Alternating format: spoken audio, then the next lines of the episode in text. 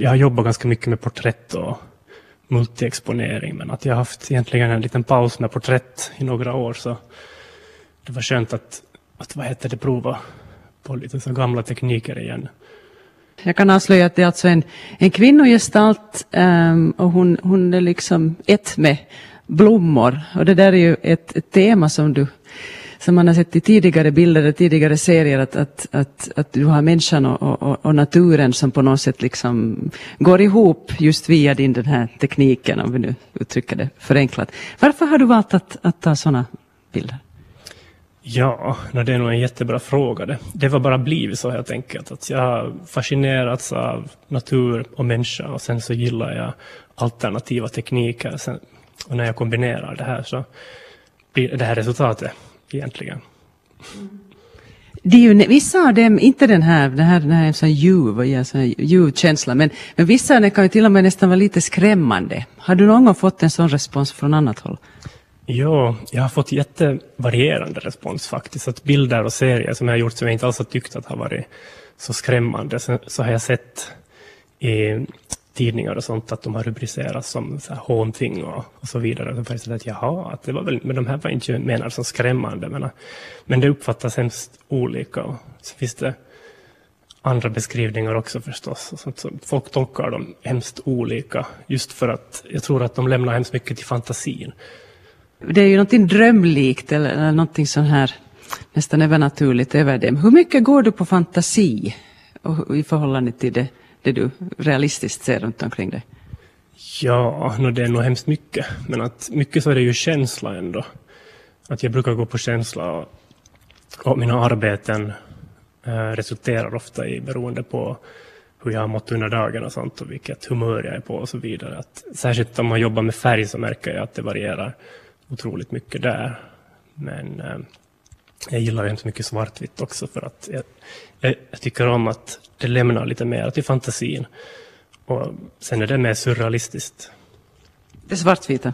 Ja, ja, jag tycker att när det lämnar någonting till fantasin så kan man titta på bilden längre och, och den blir inte tråkig lika snabbt trots att den kanske inte har de här färgerna. Men ja. Mm. Berätta om din metod. Alltså det är någonting, du, du är liksom före det här Photoshop-stuket. Berätta hur det kommer till. Det vad heter det, multiexponeringsteknik, även kallat dubbelexponering. Och tekniken härstammar från filmepoken. Det vill säga att tekniken är typ lika gammal som fotografering. Många förknippar multiexponering med ett misstag, att man har glömt att, att spola rullen fram och så tar man av misstag eh, två bilder på varandra. Och resultatet är då ofta någonting helt oväntat. Och det är ju egentligen så också som jag blev introducerad till multiexponering, att man någon gång för, för många, många år sedan gjorde ett misstag. Och, eller var det kanske inte, det var inte ens jag, utan det var någon bekantskap som visade att de hade gjort ett misstag. Och, och flera år senare när jag började fotografera så kom jag ihåg det här med multiexponering och så började jag experimentera med det. Och, och nu har jag experimenterat med, med tekniken i åtta år. Mm. Eller snart tio år faktiskt. Tiden går fort. Mm. Hur pass kontrollerade är dina misstag? Eller kallar du dem, det är knappast misstag längre? Um, no, det beror på vilken typ av, av, arbete jag gör, men att det finns alltid den här spänningen där i. Men den här grafiska formen och, och sånt, så det har man nog ändå ganska mycket kontroll över.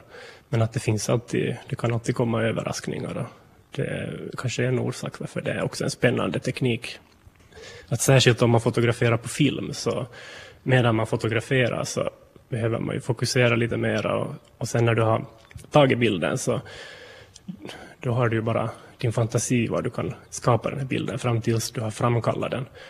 Och det tycker jag att det är ganska roligt skede. Man försöker, att man måste skapa bilden själv, eller vad heter det, föreställa sig den och sen se att hur nära eh, verkligheten ändå kom.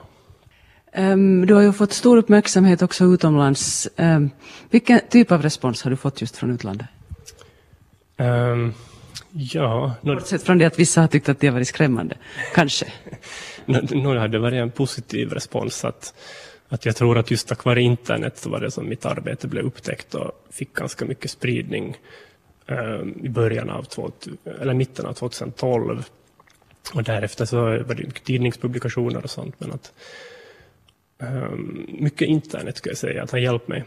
Och bloggar, nyhetssidor, tidningar och allt möjligt. Som man delar dem egentligen. Och efter det sen så började jag samarbeta mer med gallerier och sånt utomlands. Så, även nu i Finland. Mm. Har du egna förebilder bland, bland andra konstnärer? Ja, ja, jag har nog många. Men jag tror att en fotograf särskilt var det som fick mig intresserad av experimentell och alternativ fotografering. Och det är en brittisk fotograf som, som går under namnet Chris Friel. Han, eh, han var ursprungligen eh, målare och färgblind och gör väldigt experimentella eh, långa exponeringar med alternativa multiexponerings nu för tiden också tekniker i att det finns egentligen ingen skärpa och, och inget, man, man skulle inte tro att det är fotografering helt enkelt. Och det var väl det som fascinerade mig till att också bli lite mer experimentell och, och förstå att det finns något annat i fotografering än bara att eh, ta bilder, utan du kan också skapa dem väldigt brett. Liksom. Eller du har vad heter det, fria händer liksom, att göra allt möjligt så att säga. Kristoffer mm. Elander står vi alltså och talar med här som är nominerad till um, Didriksens Pro Arte-utmärkelse. Hur känns det och vad betyder det för dig? Ja, jag är förstås jätteglad över utmärkelsen. Att det, det, det är ju spännande. Um, jag vet inte vad jag ska säga. Att det, det, det är hemskt kul att bli uppmärksammad på det viset. Särskilt också i Finland. Att, att, det, att vinna priset skulle ju vara otroligt kul. Och redan att vara nominerad betyder ju massor. Men att eh, det har varit lite av en dröm att ställa ut på museum. Så på så vis betyder det mycket.